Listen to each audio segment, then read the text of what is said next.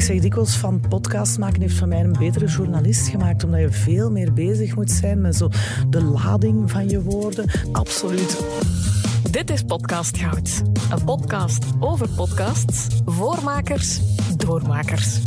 Ik ben Shalini van de Langenberg, creative producer bij podcastagentschap Uitgesproken. Je kan me kennen van Mercury Mysteries, Missy McCartney of The Sorting Hat Revisited. Achter de schermen werkte ik mee aan podcasts zoals Grensverleggers, Clubnet en Zot Schoon. In deze podcast ga ik op zoek naar goud. Podcastgoud. Wat dat juist is, dat is moeilijk om uit te leggen, maar je weet het als je het hoort. Soms kan je dat zelfs voelen. In je lijf, tijdens een opname of als je naar een podcast luistert. Maar hoe maak je podcastgoud? Waar vind je de verhalen? Hoe herken je een gouden idee en hoe ga je ermee aan de slag? Ik vraag het aan de goudzoekers, de makers zelf dus in feite, van al die geweldige podcasts. Welkom bij Podcast Goud. Vandaag in Podcast Goud een deep dive in de misdaadjournalistiek, het bendeverleden van België en vooral extra inzichten in het leven van voormalig gangster Philippe Lacroix en het maakproces van podcastmakers Marianne Justaert en Lise Bonduel. Hallo allebei, welkom. Hallo. Hey. Hoi, ik maak voor de volledigheid even het creditlijstje af.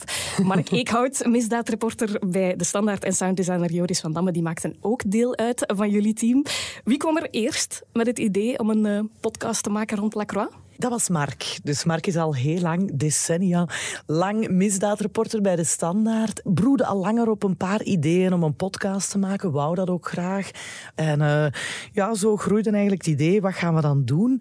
We zijn een keer gaan eten, Mark en ik. En dan, ik zag meteen iets in Lacroix. En uh, dan hebben we eigenlijk de vraag gesteld. Van, kom, we gaan eens polsen. Zou hij dat willen doen? En tot onze grote verbazing zei hij ja. Want wat deed jou beseffen van, oké, hier zit meer in. Dit zou wel eens podcastwaardig kunnen zijn? Ja, wij zijn allebei grote podcastfans. En persoonlijk had ik net die podcast Pim gehoord van het NRC. Pim is ook zo'n biografie, zo'n levensverhaal in meerdere delen. Natuurlijk, Pim Fortuyn, uiteraard, is vermoord, leeft niet meer. Dus dat is echt een derde portret, zoals dat we dat bij de krant noemen. Andere mensen vertellen over Pim. Maar dat was echt prachtig om te merken hoe je als luisteraar zo meegroeit. En eerst een idee hebt en dan bij de volgende aflevering, zo naarmate dat er nieuwe inzichten, veelzeggende anekdotes enzovoort aangereikt worden, mensen die hem anders kennen, dat je zo zelf eigenlijk mee evolueert en anders begint te denken over een persoon. Dat ook heel goed ziet waar bepaalde uh, drijfveer of daden eigenlijk vooral vandaan komen, waar dat op teruggaat. Zo die bruggen van de jeugd naar wat er dan in een volwassen leven gebeurt, was fantastisch om uh, te zien. -hmm. En sowieso uh, houden wij, denk ik, allebei, Elise, van een podcast met een goed hoofdpersonage. Zo. En ook puur op papier leest zijn verhaal als een Hollywoodfilm. Toen Mark daar voor het eerst over afkwam, dacht ik, maar hoe is het eigenlijk mogelijk dat dat echt gebeurd is? Jij was nog niet geboren, hè? Nee, toen het allemaal gebeurde. Ik viel daar echt iedereen van kent achterover. dat verhaal, maar... Ja, iedereen kent dat verhaal, buiten ik dan. en misschien nog wel veel andere Nee, mensen. voor mij was het ook, dat is ook voor, voor mij een Allee, tijd. iedereen onder de 35. ik heb heel veel. Ik, ja, je kent natuurlijk wel de naam. Hè? Patrick Hamers en de bende Hamers. Ja. Ongetwijfeld doet dat wel een belletje rinkelen. Maar ja, inderdaad, hoe diep en hoe ver dat, dat ging, dat heb ik ook allemaal bijgeleerd in Nee, die acht dan, lees, dan zie je ineens dat er een gangster uit een gevangenis rijdt met een cipier en een directeur op de kapot, allee, motorkap gebonden. En denk je, uh, Kan dit dat is in geen België? filmscène. Ja, ja. We zijn het al voor de jonkies onder ons. Wat moeten we zeker weten om het komende half uurtje te begrijpen waar we het over hebben? Die bende Hamers uh, was actief in de jaren tachtig. En dat is ook de tijd van de bende van Nijvel, van de CCC, de extreem linkse communisten eigenlijk. En dat was een tijdperk met heel veel geweld. Wij kunnen ons nu dan niet meer voorstellen. Maar uh, dat was echt, ja, je kon een supermarkt binnengaan en vervolgens doodgeschoten worden. Dat was eigenlijk ook wat blind geweld. En dus er was uh, heel veel zware criminaliteit. En de bende Hamers was een van die bendes. En dat waren eigenlijk uh, jongens uit Brussel. En het gekke is dat die helemaal niet uit een marginaal of arm milieu kwamen of zo. Ze werden les blousons dorés genoemd of la jeunesse dorée, dus de gouden jeugd. En toch zijn die samengekomen en zijn heel drastisch te werk gegaan. En dat is een rollercoaster geworden van steeds meer en steeds uh, zwaardere criminaliteit. En uh, ja, voilà. Moet ik het vervolg ook vertellen? Nee, nee, nee, nee. laat het vooral uh, maar aan de cliffhanger. Philippe Lacroix leeft nog, Patrick Hamers leeft niet meer. Nee, dat is een, een korte samenvatting van de jaren tachtig en Ja. in het bijzonder uh, de podcast Ja. natuurlijk zelf, Lacroix, Ja. Ik was gangster. Een podcast van De Standaard die ons terugtransporteert naar een bijzonder woelige tijd en ons ondertussen ook nog wat ethische dilemma's serveert. Wat we daaruit kunnen leren en hoe we daar allemaal betere makers van kunnen worden, hoop ik vandaag te ontdekken met Marianne en Lise.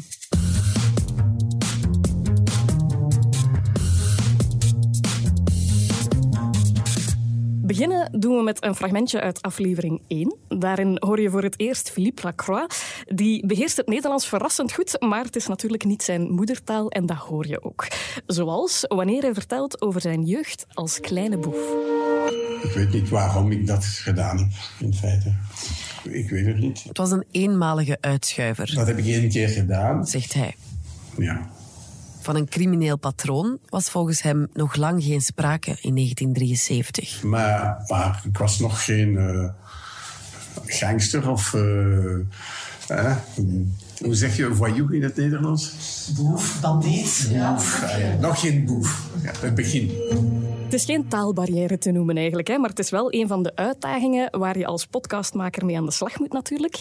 Iets wat jou als printjournalist heeft verrast, Marian, het grote verschil tussen print en podcast. Eh, ja, in print stoort dat absoluut niet welke taal mensen praten. Hè. Je vertaalt eh, hun woorden op papier, je geeft er wat een draai aan. Dus iedereen kan heel smooth vertellen en maakt volledige in interviews op papier.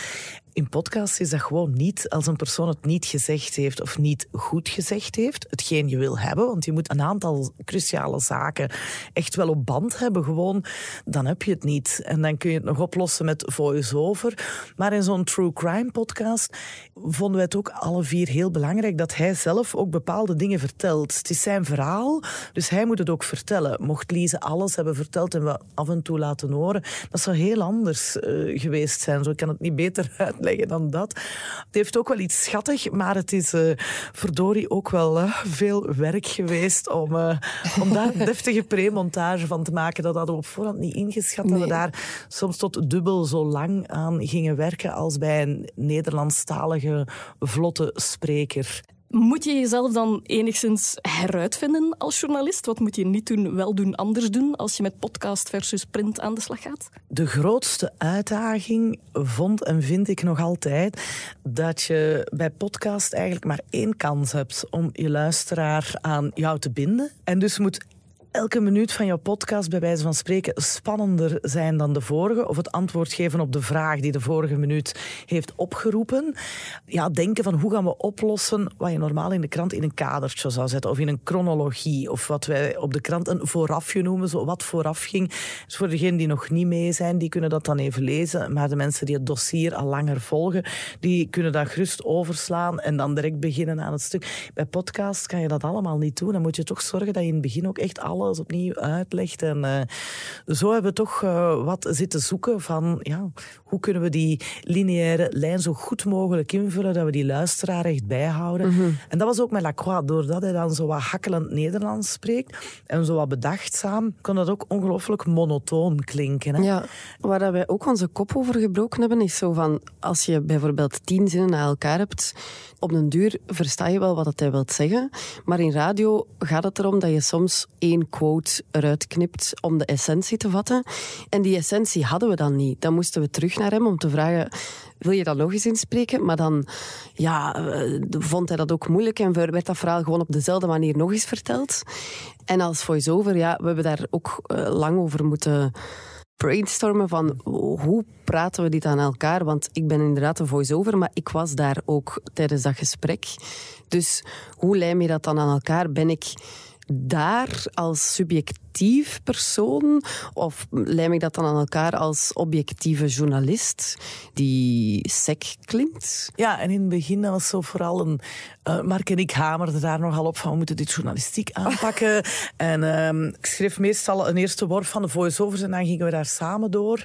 En dat was zo redelijk droog en neutraal. Ja, om daar ook zeker geen. eh, ja. Maar jij zei dan altijd van, goh, ik ben toch ook Lize. En dat voelt wel wat vreemd, want ik zit er als Lize bij in die interviews, in onze metagesprekken onder de makers. En hier moet ik zo'n geur- en kleurloze voice-over zijn.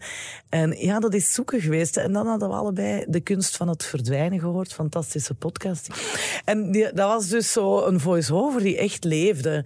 En toen eh, kwam jij af, Lies, ik weet nog, en hij zei, kijk, ik wil ook een mens zijn. Zo, we moeten dat weer menselijker aanpakken, want ik voel mij een robot. En dan hebben we alles omgegooid en dat paste meteen veel beter. Zo van, oké, we kunnen het en journalistiek en toch menselijk doen. Existentiële crisis dat we hebben balans. Ja, ja, ja. ja, want merk je ook daar een zeker verschil tussen print en podcast? Ik merk hier een heel hard wikken en wegen van elke voice-over, elke zin, elke woord. Is dat hetzelfde? Steekt dat even nauw in print? Of was dat hier toch ook een andere ervaring? Nee, dat is echt een andere ervaring. Ik zeg dikwijls van podcast maken heeft van mij een betere journalist gemaakt, omdat je veel meer bezig moet zijn met zo de lading van je woorden, de timing van je woorden. Nu, het grootste verschil op dat vlak is vooral dat je als journalist in 99% van je artikels geen ik-persoon zal opvoeren. Dus je speelt geen rol als schrijver, als auteur. Je bent als onafhankelijke journalist. Bericht je over eh, wat er gebeurt of analyseer je wat er aan het gebeuren is enzovoort. Maar hier was het echt noodzakelijk om daarin te staan als journalist en als mens. En soms lopen die twee doorheen en soms heb je heel duidelijk de ene pet op en dan weer de andere pet. Ja, want dat is iets wat jullie eigenlijk dus gaandeweg tijdens het maken hebben opgepikt. Durf misschien als persoon hier meer in staan. Durf kleur te geven aan jullie voice-overs ook. Zijn er nog tips die bij dat schrijven van tekst voor audio zijn blijven hangen? Ja, wij deden dat altijd samen, zo hè. lange dagen in ons hokje. In een grot zonder licht eh, in de studio zaten wij dan dagenlang. Marianne schreef iets uit en ik probeerde dat. En dan ging dat iedere keer terug. Ja, zo, dit, dit klopt niet, Marianne. Dat klinkt niet goed, dat bekt niet. Dat zou ik nooit zeggen in het echt. En dan, eh, oké, wat zouden we dan wel kunnen zeggen? Dan was, eh, ja, deden we dat samen eigenlijk, de finale versie. En ja, dat was dan blijven gaan, blijven gaan, tot we allebei eh, min of meer content waren. Of tot het gewoon echt niet meer natuurlijk klonk. en ehm, ja, dat, dat is toch altijd wel gelukt, hè? Met, Ja, ja. ik vond dat ook heel toffe momenten. Omdat je dan ja, je verhaal aaneenlijmt. En omdat Marianne ook, eh, ook al minimaliseert ze dat nu een fantastische stemcoach was, die, die, mij, die mij iedere keer in een stemming kon brengen waardoor ik niet klonk als een eh, nieuwslezer, maar alsof dat wij gewoon samen op café zaten en, al, en ik dat aan haar vertelde. Ja, dus de ultieme voice-over tip is eigenlijk creëer sfeer en zet het naar je mond. Ja, ja, ja, maak er iets gezelligs Ja, van. Ja, Kruip samen in een studio en eh, Donker, kot en gaan. ja. ja. donkerheid. een feest.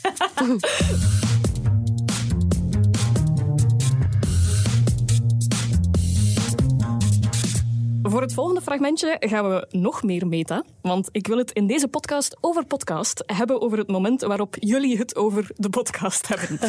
enfin, de metamomentjes dus. Een Eh, podcast over een podcast waarin over een podcast gepraat wordt. het moment waarop je mij als journalist, als luisteraar, als podcastmaker volledig hebt ingepakt, is eigenlijk door die metamomentjes. We gaan luisteren naar het moment waarop jullie terug arriveren op de redactie na een gesprek met Lacroix en terugblikken op wat hij nu precies eigenlijk allemaal gezegd heeft. Hij vertelt dat nu misschien om zijn latere daden al voor een stuk te legitimeren of om al zo'n basis te leggen Maar van... ik denk dat hij, een crimineel zoals Lacroix, die zoveel op zijn kerststok heeft, die, die zoveel gedaan heeft, als die dan achteraf terug uit de gevangenis komt, terug op het rechte pad is, ja, je moet wel kunnen leven met jezelf. Ja, hè. exact. Ja, die gaat dan zelf in, in zijn verleden op zoek naar verklaringen van hoe het zover is kunnen komen met hem. En dan kom je natuurlijk al, al snel bij de slechte jeugd en de ontwrichte gezinssituatie terecht. Maar heel die discussie, zo nature-nurture. Ja, in welke mate is die criminaliteit aangeboren of Ja. zo? Ja, ik denk toch dat het ergens in, in u moet zitten. Hè, Ik heb dat eigenlijk nooit zo geloofd. Ik denk wel dat de eigenlijk omgeving, foute vrienden, dat dat eerder bepalende factoren zijn. Er zijn ik weet niet hoeveel mensen die opgegroeid zijn in een slechte gezinssituatie of die slechte vrienden hadden en die toch goed zijn terechtgekomen. Dus ja, Dus niet iedereen kan crimineel worden eigenlijk, Mark. Goh. Allee, volgens u. Ik wil het heel graag hebben over die metamomentjes tussen jullie, want ik kan mij alleen maar inbeelden dat ook daar een heel proces aan vooraf gegaan is. Allee, Shalini. Live on tape, alles. eh, Nee, we hebben daar heel lang over gedaan. Van losse flarden die dan in u opkomen tot wat, wat willen we hier nu eigenlijk Ja. Zeggen. En dan op de duur klonk het zo geacteerd. Ja, dat we dan de opname allemaal hebben laten horen naar Joris, die er in het begin niet bij zat. En die heeft dan eigenlijk uit ons voorgesprek, toen we nog niet eh, officieel bezig waren, van alles doorheen geklutst. En hij zei, "Wa, dit is iets, dat geloof ik ze. Want wat is het moment dat jullie wisten, we hebben dit nodig, dit moet aanwezig zijn in de podcast? Goh, vrij snel eigenlijk wel. Ik denk toen dat we de eerste aflevering aan het maken waren en dat we door hadden van. Het klinkt misschien als een Hollywood-verhaal, maar dat is het niet. Er zijn ook wel heel erge dingen gebeurd. En als voice-over kan je daar dan ook geen spannende film van maken of hem als gangster op een sokkel zetten, als ex-gangster. Het feit dat ik daar de voice-over ben, die zogezegd neutraal het verhaal aan praat, maar dat je daar ook zit in het interview als mens en je hebt je bedenkingen en twijfels. En iedere keer zat dat ook bij Marianne en Mark en mij anders. Dus eh, Mark liep soms buiten met zo, ah, nu ge- geloof ik hem. En dan zat dat weer scheef bij mij. Dat was iedere keer... En dus. Dat moest ergens aan bod komen. Gereflecteerd Ja. worden. Ja, het was eigenlijk Ook voor jullie ook een rollercoaster. eh. Zeker. Ja. En allee, het mooie was, we hebben dat ook heel rap eh, wel gezegd van oké, hier moeten we iets mee doen. Wij zijn van drie verschillende generaties. Mhm. En we wisten eigenlijk redelijk rap van de vragen waar wij mee zitten. Dat zijn de vragen die de luisteraar zich ook gaan stellen. Ja. We mogen onze twijfel niet wegsteken. Wij moeten eigenlijk zelf een rol spelen als maker in die podcast om te laten voelen van we nemen hier ook niet klakkeloos aan wat Ja. hij zegt, maar dat wij ook mensen zijn met twijfels die, Mhm. die er soms ook anders over denken. En ook ja, zeker die eerste aflevering, hij vertelt over zijn jeugd, dat kun je niet dubbel checken. Dus we hadden alleen eigenlijk zijn verhaal. Hij vertelt wat hij wilt. Mm. Dat geldt niet alleen voor ex-gangsters. Als jij straks aan mij vraagt, maar dan vertel eens je levensverhaal. Iedereen shift daarin en trieert. Ja, Dus dat, is mensen. Dat, dat heeft eigenlijk niks te maken met zijn crimineel verleden. Maar er zijn een aantal punten die hij al zegt, dat hij op zijn dertiende eigenlijk al zijn eerste inbraak pleegde. En dan was hij ook niet veel ouder toen hij dan mottokes begon, mottokes, eerst brommertjes en dan dikke mottos begon te pikken en zo.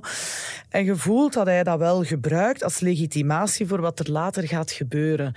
En dat, ik denk dat elke podcastmaker direct zoiets zou hebben. Ik zie jou ook knikken van, ja, dit mag niet zo as such de wereld in.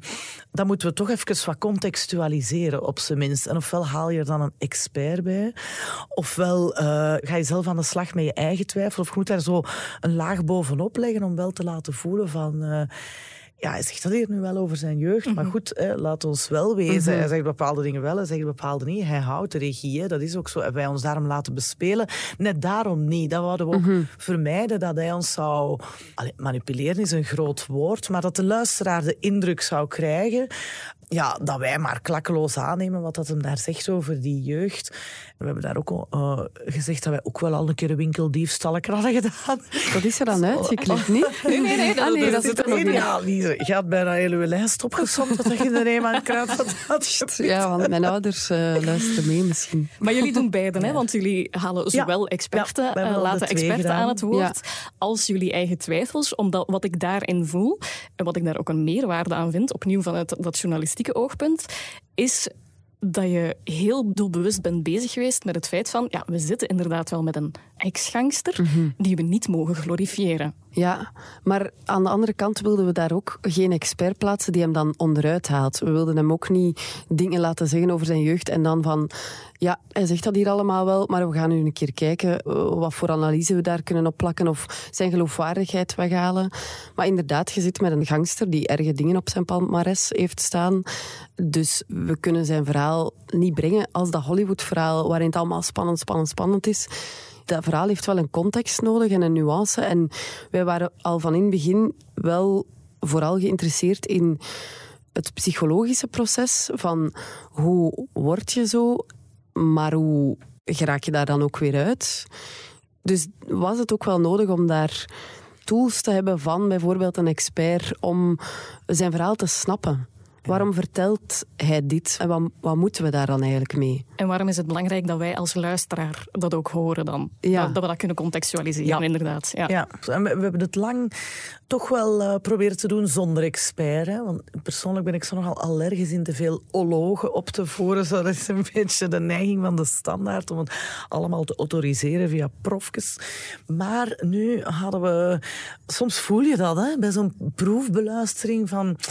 Er mankeert iets. iets. Ja, hier Ja. mist iets. Zo, ja, ik kan het eigenlijk niet beter uitleggen dan dan. Dan kwam Lise af met die narratieve criminologie dat geen van ons kende. Ja. En zij was dan zo interessant dat we zeiden, ja kom, dat gaan we echt, eh, echt doen. En dan maakte het af, zo dan viel het op zijn plaats. En daar zijn nogal verschillende reacties op. Sommige luisteraars vinden dat echt niet nodig. Zo, oh, die criminoloog die had eraf gekund, dat moest zo niet, die expert. Maar anderen vinden dat dan net eh, het sluitstuk heel nuttig, heel interessant. eh. Ja, want ik weet niet of het bewust gebeurd is. Die metamomenten zitten meestal op het einde Ja. van de aflevering. Waardoor dat er een soort scheiding ontstaat tussen het verhaal dat Lacroix vertelt, dus zijn mogelijke romantisatie van het verhaal, ehm, waarin dat, ja, dat filmische element ook soms doorsluimert. En op het einde jullie bedenkingen daarbij. Is ook dat een doelbewuste keuze geweest om een soort van discrepantie te voorzien? Nee, eigenlijk niet. Dat voelde natuurlijker op het einde. Het zou, mochten wij ermee beginnen, lijkt het alsof wij alvast eerst gaan zeggen wat wij ervan vinden en dat we twijfelen. En je hoort dan zijn verhaal, ja, dan haal je volledig de geloofwaardigheid van eh, je Ja. hoofdpersonage onderuit. Dus omgekeerd zou het absoluut niet werken. Dan vraagt iedereen zich af, ja, waarom blijven wij nu luisteren naar die Lacroix? Ze hebben juist gezegd dat ze daaraan twijfelen.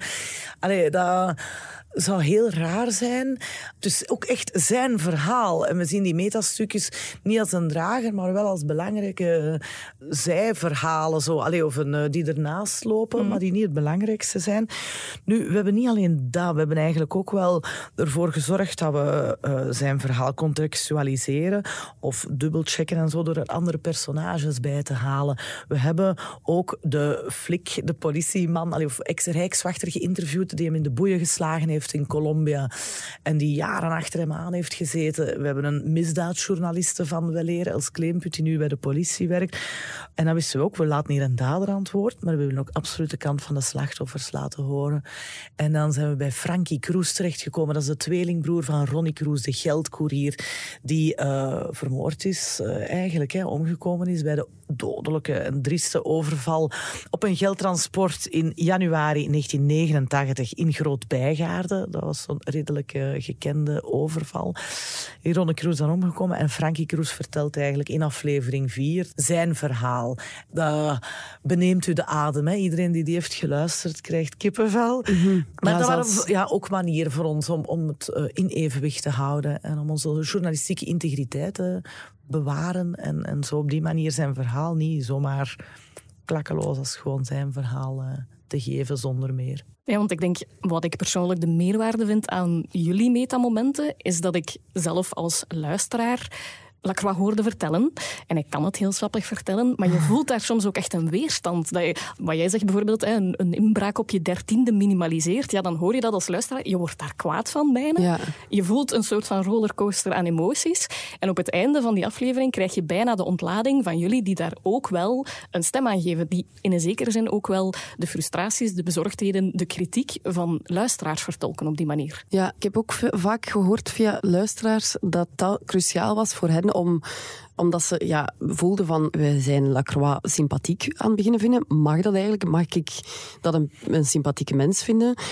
En om dan te horen van, ah, oké, maar zij hebben daar ook wel hun vragen bij gesteld. Dus die vragen in mijn hoofd zijn normaal. En daarnaast mag ik die misschien ook sympathiek beginnen vinden. Dus dat dat ook een soort van weerwoord bood dan aan hun eigen twijfels. Ja, ja, aan de dreiging om het inderdaad te glorifiëren. Hè. Ja. Ik haal er heel even een kritische stem bij. Een quote uit de Nederlandse krant Trouw over de podcast, waarin de recensent benoemt dat er soms wel een zeker Calimero-gehalte hangt over het verhaal van Philippe. En dan staat er, hoezeer de makers ook hun best doen er iets moois van te maken als Lacroix niet aan het woord is.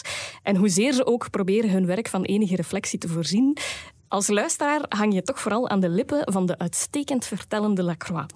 Een veroordeelde crimineel die in een van de afleveringen volop de tijd krijgt te klagen over hoe het is om in de gevangenis te zitten, die de doden die bij de overvallen zijn gevallen eerder als een ongelukkige bijkomstigheid ziet dan moord in koele bloeden. Die zware wapens die de bende had, waren dan zeker ook een ongelukkige bijkomstigheid. Dat is vrij stevig verwoord. Vind je dat een terechte kritiek? Wie is die mens? We gaan die sturen. Die hadden we nog niet gelezen, hè? Die, die recensie. Ja, die is totaal ontgaan. Ik vind dat eigenlijk niet eens kritiek. Ik vind dat hij zeker dat punt mag hebben. We Ja. hebben erover gewaakt dat we zeker zeven afleveringen lang, waarin we zijn levensverhaal vertellen, dat we wel die twijfels eh, die wij zelf hebben benoemen en ook die vragen opnoemen om te laten zien we zijn onafhankelijk, maar dat we niet oordelen in de plaats van de luisteraar. We vinden ook allebei, Lacroix zijn de stukken waar we, je hangt aan zijn lippen, dat zijn interessante stukken. Je wilt hem horen. Je komt niet dagelijks een ex-gangster tegen, dus dat vind ik ook allemaal. Dat is eigenlijk Ja. geen kritiek.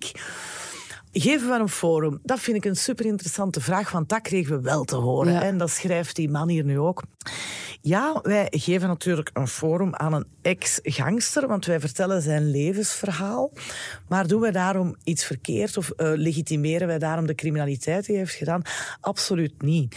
En ehm, waarom. eh, het volgens ons ook wel echt wel gepermitteerd is. En dat hebben we ons ook altijd voor ogen gehouden. Hij heeft gedaan wat hij gedaan heeft, maar hij is daarvoor veroordeeld. En heeft zijn straf uitgezeten. Hij heeft ook ondertussen eerherstel gekregen van de FOD Justitie. Dus dat is eigenlijk het gerechtscel, of de overheidsdienst Justitie. Dat is een onderzoek van een paar jaar gaat onderzoeken van oké, zijt je eh, clean, eh, heb je niks meer gedaan, komt jij in aanmerking om terug een blanco strafblad te krijgen, dus echt in eer en rechten hersteld te worden. En hij heeft dat toegezegd gekregen, eerherstel eind 2018 is het zeker, de exacte datum ontglipt mij, maar ik denk dat dat is. Dus als een onafhankelijke overheidsdienst dat dat beslist heeft, jij bent clean, uw strafblad is terug blanco, jij krijgt al uw rechten en uw eer, echt eerherstel in de letterlijke betekenis van het woord, terug. Wie zijn wij dan om te blijven zeggen dat dat een ex-gangster is? Ik ben ook een jurist van opleiding, ik ben pro-herstelrecht. Ik geloof ongelooflijk hard in tweede kansen, dan moeten wij hem ook een tweede kans geven. En dat betekent eigenlijk om hem niet voortdurend te blijven afrekenen, ook op zijn verleden. Dus hij is een ex-gangster en hij zal zelf de eerste zijn om dat toe te geven. Ja. Maar hij is geen gangster meer. Hij was dat. In die achtste aflevering zijn we daar dan uitgesprokener over geworden. Hè. En, eh, omdat we ook wel vinden, van het is ook niet aan ons om hem nog een tweede keer te veroordelen in die podcast. Het systeem is gebouwd op schuld en boete. Ah, wel, hij is schuldig. Hij geeft dat toe bij ons minimaliseert dat, toont hij geen spijt. Daarover lopen dus de interpretaties uiteen, want sommigen vinden dat hij net wel spijt toont. Maar hij heeft wel boete gedaan. Ja. En eh, wij moeten hem niet nog eens veroordelen. Wij zijn de rechterlijke macht niet. Wij moeten ons werk doen als journalisten. En dat hebben we gedaan, denk ik. Want we hebben het ook al gehad over de verwachtingen hè, of de deontologische voorwaarden van een journalistiek product. Hè. Je hebt het heel duidelijk over die objectiviteit, die afstand. Wat maakt zo'n journalistieke podcast dan anders dan een andere storytelling podcast? Ik denk dat als outsider, dus ik kwam bij de standaard werken als podcastmaker, dus ik had een totaal andere achtergrond. Ineens moest ik wel duizend keer extra nadenken over wat ik daar eigenlijk schreef. Uw besef wordt wel verder aangewakkerd van, dat moet er wel juist zijn. Ja. Niet dat je anders zomaar iets schrijft als voice-over, maar als je een verhaal brengt, dan is vooral dat verhalende aspect belangrijk. Maar als het gaat over documentaires en echt eh, zware zaken, zoals Lacroix, dan, toch, dan wordt er toch wel extra op geschikt. Want welke adviezen geef je graag mee richting makers die ook met dat soort grijze, gelaagde verhalen aan de slag willen? Doen. het is zalig. Het kost Ja. bloed, zweet en tranen, maar het is toch wel Maar je hebt echt een eh, a fantastisch ride half jaar geweest. de Ja, doen. Veel feedback vragen ook zo. Dat wij met vier waren, wij waren echt ook zo super complementair, Ja. maar dat heeft wel geholpen. Ik zou dat nooit alleen gekund Nee, hebben. En ik ook niet. Ik denk geen van ons. Maar het is echt het resultaat van ons vier. Oké, dus doen en het liefst niet alleen. Ja, als je zo'n dik dossier op je bureau krijgt met een hele zaak, dan wil je dat wel niet alleen uitspitten.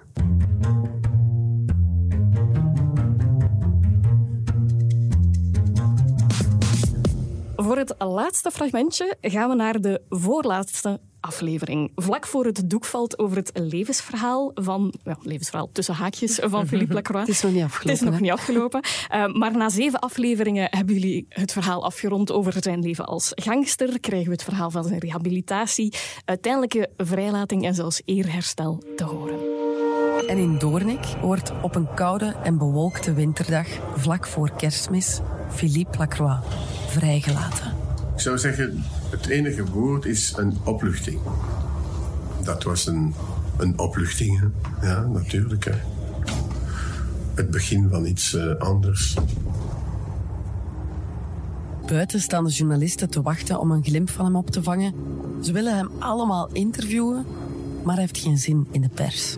Hij gaat onmiddellijk naar de auto die op hem staat te wachten. Mijn uh, advocaat, Bosquet, ja, hij kwam uh, halen. En hij bracht me naar Brussel, naar mijn moeder.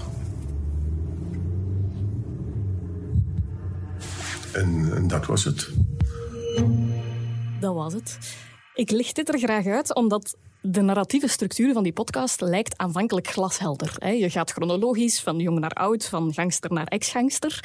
Maar Marian, jij gaf aan, wij hebben heel lang gezocht naar structuur. Ja, dat de chronologie zijn leven een beetje moest volgen, dat was logisch. Ja, je begint bij de jeugd. En dat we die zevende aflevering zouden eindigen met het moment dat de gevangenisdeur achter hem weer in het slot klikt, de dag van zijn vrijlating, dat wisten we ook. En dan moest die achtste aflevering een soort epiloog zijn waarbij dat we een tijdsprong maken naar nu.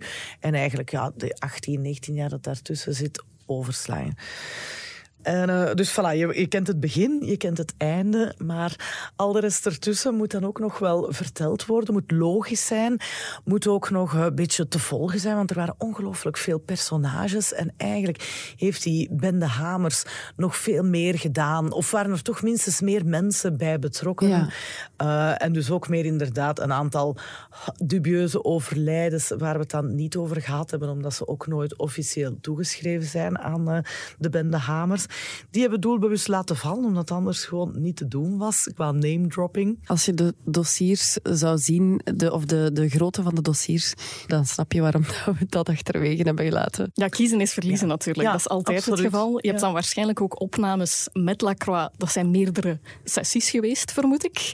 Hoeveel uren aan materiaal heb je dan? Mai, wij zijn zeker zeven keer Acht langs keer, geweest, acht keer. en dan vaak drie uur lang Drie, gezeten. vier uur zelfs. En dan nogal veel metamateriaal onderweg. Maar ik denk dat wij een vijftigtal uur hadden.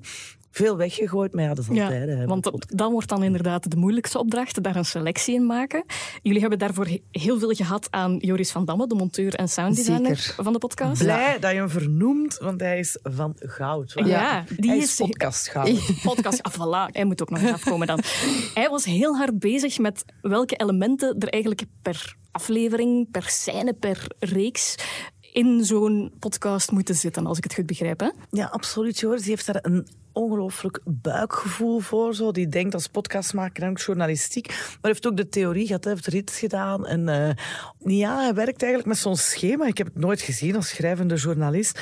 Waarbij zijn vertelstructuur volgt van hier moet de aanloop komen, hier anekdote, dan gaat het hoofdpersonage naar beneden, dan moet plot één vallen. Ja, dat was fantastisch. Hè? Maar jij had dat ook meer. Hè? Ja, jullie zijn echte podcastmakers ook. eh. Ik denk dat wij sowieso op een andere manier naar dat verhaal kijken als meer een verhaal, omdat dat is wat we graag doen. En dat je veel meer bezig bent met je spanningsopbouw, met wanneer moet een personage gekaderd worden, wanneer mag dat ander personage in de picture komen en wanneer moet dan een oplossing komen voor een probleem dat zich heeft gesteld. In dat opzicht hadden jullie natuurlijk ook wel weer een mooie balans. Hè? Twee journalisten, twee storytellers Ja. eigenlijk. En dat dan een, een soort van huwelijk om daar een goede structuur in te krijgen. Mij doet het spontaan denken. Ik weet niet als eh Lise bij het rits of dat dan een belletje doet rinkelen aan de ABDCE-structuur. Ja, maar leg toch maar Ja, eens uit. ik, ik vind hem ongelooflijk. Misschien Nog dat Jo- nooit van gehoord. Ja, misschien dat Joris die theoretische achtergrondkennis ook wel heeft. Het begint met de A. De A staat voor action. Ja. Dus in dit geval, ja, dat is iets dat meteen prikkelt. Ja. Mhm. Eh, ik denk bijvoorbeeld aan de eerste aflevering. Jullie gaan letterlijk op pad naar Ja. Lacroix, aanbellen aan de deur. Je voelt, hier staat iets te gebeuren. Opbouwen van spanning. Spannend. Action. De A. De B staat voor background. Dat is wat jij zegt. Hè. Je moet je figuren kaderen, anders heb je geen idee zetten. waarom zijn we aan het luisteren. Why should we care? Zo'n beetje de, eh, de WWW's van journalistiek. Ja, hè. ja. Wie, waar, wat, wanneer. Ben mee. Ehm, vervolgens krijg je niet de C, maar de D. Dus ABD. De D staat voor development. Waarbij dat je spanning verder gaat opbouwen tot uiteindelijk een bepaalde ja. climax. Ja. En dat krijg je naar mijn gevoel ook, want je voelt in de reeks dan, hè, je voelt het begint bij de jeugd, het loopt gradueel uit de hand, uit de hand, uit de hand, tot Mhm. een punt waarop dat jullie letterlijk zeggen van het kan niet anders dan ergens misgaan Mhm. Ja. en tegen de lamp lopen. Ja, ja, ja. De climax is dan zijn arrestatie, een proces, een Ja. gevangenisstraf, om dan uiteindelijk te eindigen bij, na de climax, bij de E, de ending, waarbij dat je eigenlijk een afwikkeling hebt van oké, en wat is Ja. er daarna nog allemaal gebeurd en hoe staat die er nu voor, die terugkoppeling. Dus die A, B, D, C, E-structuur, die zit super En hard. wat is de C? De C is de climax. Ah ja, de climax. Ja, ja, ja. Hé, maar wij zijn een schoolvoorbeeld van die structuur. Ja. Wil jij mij dat doormailen straks? Ik wil dat zeker. Dan heb ik voor de eerste keer van mijn leven wat de theorie van narratieve podcast. Ja, ideaal, voilà. Ik heb het allemaal nogal op buik gedaan. Allee, hier en daar wel wat meegekregen natuurlijk. Ja, want je zegt van het is een zoektocht geweest om die structuur te vinden. Zijn er daar nog bepaalde learnings die je na dit hele traject meepikt, waarvan dat je denkt van oké, richting volgende projecten, dit neem ik sowieso mee? Ik denk dat ik sowieso voor mezelf dan misschien lijnen veel beter vooraf afbaken misschien. Om veel beter op zoek te gaan naar wat wil ik hier eigenlijk vertellen dan vanuit het materiaal te vertrekken. Want je hebt zoveel materiaal. Je kunt daar van alles mee doen. En om echt al van in het begin te vertrekken vanuit de... Wat wil ik hier vertellen? Waar gaat het naartoe? Waar gaat het vallen? En wat kan ik daarvoor gebruiken? Dat denk ik Ja. is mijn grootste learning. Ja. En jij Zeker. memoriseert die ABDCE-structuur, En Marie. voilà, voilà, voilà. Ja, we zijn we hadden eerst heel veel opnames. Het was ook de eerste keer. Het is een leerproces geweest voor iedereen, voor ons, voor de standaard. Van hoe pakken we dat nu aan? Dan zijn we beginnen transcriberen en inventariseren van al onze opnames. En dan eh, al quotes knippen, benoemen, inventaris. En dat kostte zoveel tijd hè, dat ik dan op een gegeven moment zei... Nee, kom, we stoppen daarmee. Dat gaan we nog vier maanden mee bezig zijn. Dat kost ons veel te veel tijd. We doen het gewoon en we beginnen te monteren met wat er is. En eh, ja, dat was dan ook niet, inderdaad. Want dan waren we wat te veel in het wilde weg aan het eh, monteren. En dan zijn we toch teruggegaan naar zo... Oké, we moeten die inventaris hebben van die quote. Timestamps. Dus eh, ja, dat zijn ik denk dat moesten we het een tweede keer doen, eh, zouden we zeker wat tijdswinst en efficiëntiewinst kunnen boeken. Maar het was ook de eerste keer, dus allee, ik wil op zich wel eh, mild zijn voor onszelf. Maar dat is wel echt een zoektocht geweest van hoe gaan we dat hier nu het beste aanpakken. Zoveel opnamematerialen. eh, ja. En veel personages ook Veel samen. personages, Ja. Jullie hebben in de laatste aflevering de vraag gesteld aan Lacroix. Hè, wat heeft het nu gedaan met jou, deze podcast? Ik wil die graag ook richting jullie stellen. Wat heeft het met jullie gedaan? Het heeft mij een betere mens gemaakt.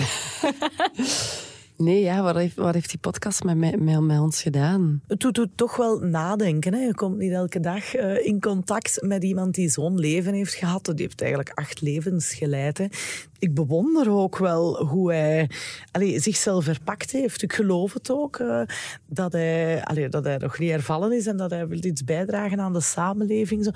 Ik hoop en, maar de, we hebben wel die indruk dat het veel mensen aanzet om zo wel eens te denken van hoe sta ik in het leven? En ook veroordeel ik mensen op wie ze ooit waren? Of kan ik mij daarover zetten? Zo, eh.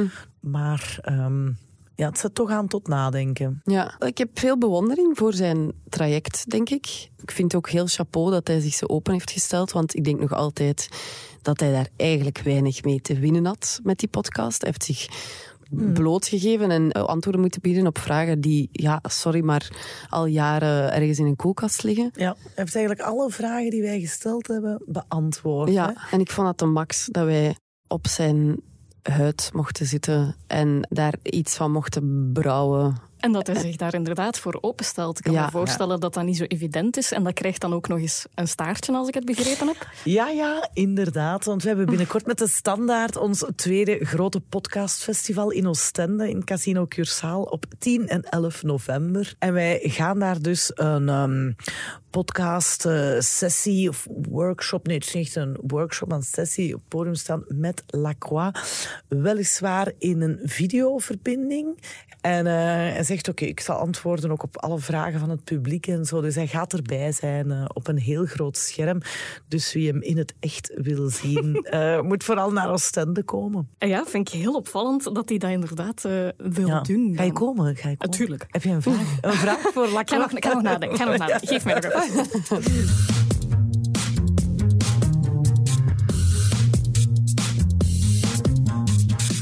Ik heb al een voorliefde gehoord voor true crime en journalistiek, voor straffe storytelling en een goede structuur.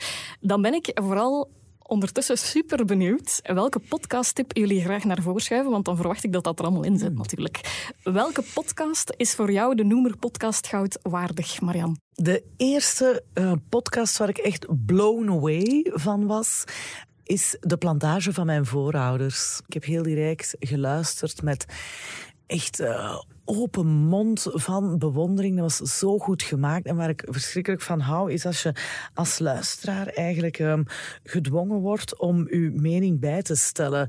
Of dat je eigenlijk ongemerkt een soort van voortschrijdend inzicht, zoals het in de wedstraat heet, krijgt. En ehm, dat was bij mij het geval. Dus dat gaat over eh, ja, twee families. De familie van de maakster.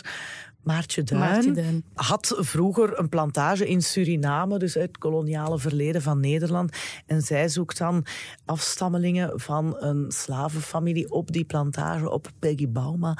En dan samen reizen ze naar Suriname met die moeder van Maartje bij. Dat is dan zo'n oude barones of zo, als ik me goed herinner, die er de hele tijd zo eh, eh, het knorpotje uithangt. maar wel ook goede, ja, zo de boomer van dienst ook speelt, eh, die, die je wel nodig hebt in zo'n podcast. Dat is inderdaad een podcast waar je anders uitkomt. Dat Ja, zijn geen voilà. kleine ambities Voilà. om te proberen ja. evenaren, maar kan inderdaad enorm veel boeiende discussies losweken. Hè? Ja, dat heeft het bij Lacroix onderling duidelijk ook al gedaan. Hè? Die metamomentjes alleen zijn er al een goed bewijs van. Lise, wat is jouw gouden podcasttip? Eerst en vooral sowieso denk ik de kunst van het verdwijnen, maar die zal wel al een paar keer aangeraden zijn. Maar de podcast die ik graag zou willen aanraden is eigenlijk nog niet uit. En dat is De Erfenis van Schik. Ken je natuurlijk al van El Tarango en Bob en eh, Laura H. En die maken gewoon fantastische dingen. De fragmenten die ik heb kunnen horen gaan over een spannend familie-intrige. Een moeder die is overleden, maar dus haar dagboekfragmenten zijn vrijgekomen. En ze hebben die kunnen inlezen en ze hebben die samen kunnen eh, brengen eigenlijk met de dochter en de vader. En eh, je moet eigenlijk gewoon luisteren. Ik denk dat het zeer spannend gaat zijn. Ze hebben iedere keer de fragmenten ook gestopt op een cliffhanger. Ah, Dat Dus- is ook niet een ABTC. Het komt altijd terug. Het Ja, komt altijd hey. terug, ja. Het is een goede truc voor als je een podcast maakt. Oké, bij deze genoteerd. Daarmee heb je naast Lacroix uiteraard nog eens twee extra luistertips achter de kiezen. Steek ze in je oren en knal er misschien ook meteen de eerdere afleveringen van Podcast Goud bij, waarin ik telkens behind the scenes duik van een geweldige podcast op zoek naar tips en tricks voor alle soorten makers. Marian, Lise, dankjewel om ons mee te nemen in jullie maakproces en ervaring. Heel veel plezier. En daarmee zijn eh, alle bijschieden voor deze aflevering volledig uitgedeeld. maar ook volgende maand heb je weer een date met de cream of the crop van de Vlaamse podcastwereld goed. Abonneer je vooral nu al om dat zeker niet te missen. Bedankt om te luisteren en heel graag tot de volgende aflevering van Podcast Goud.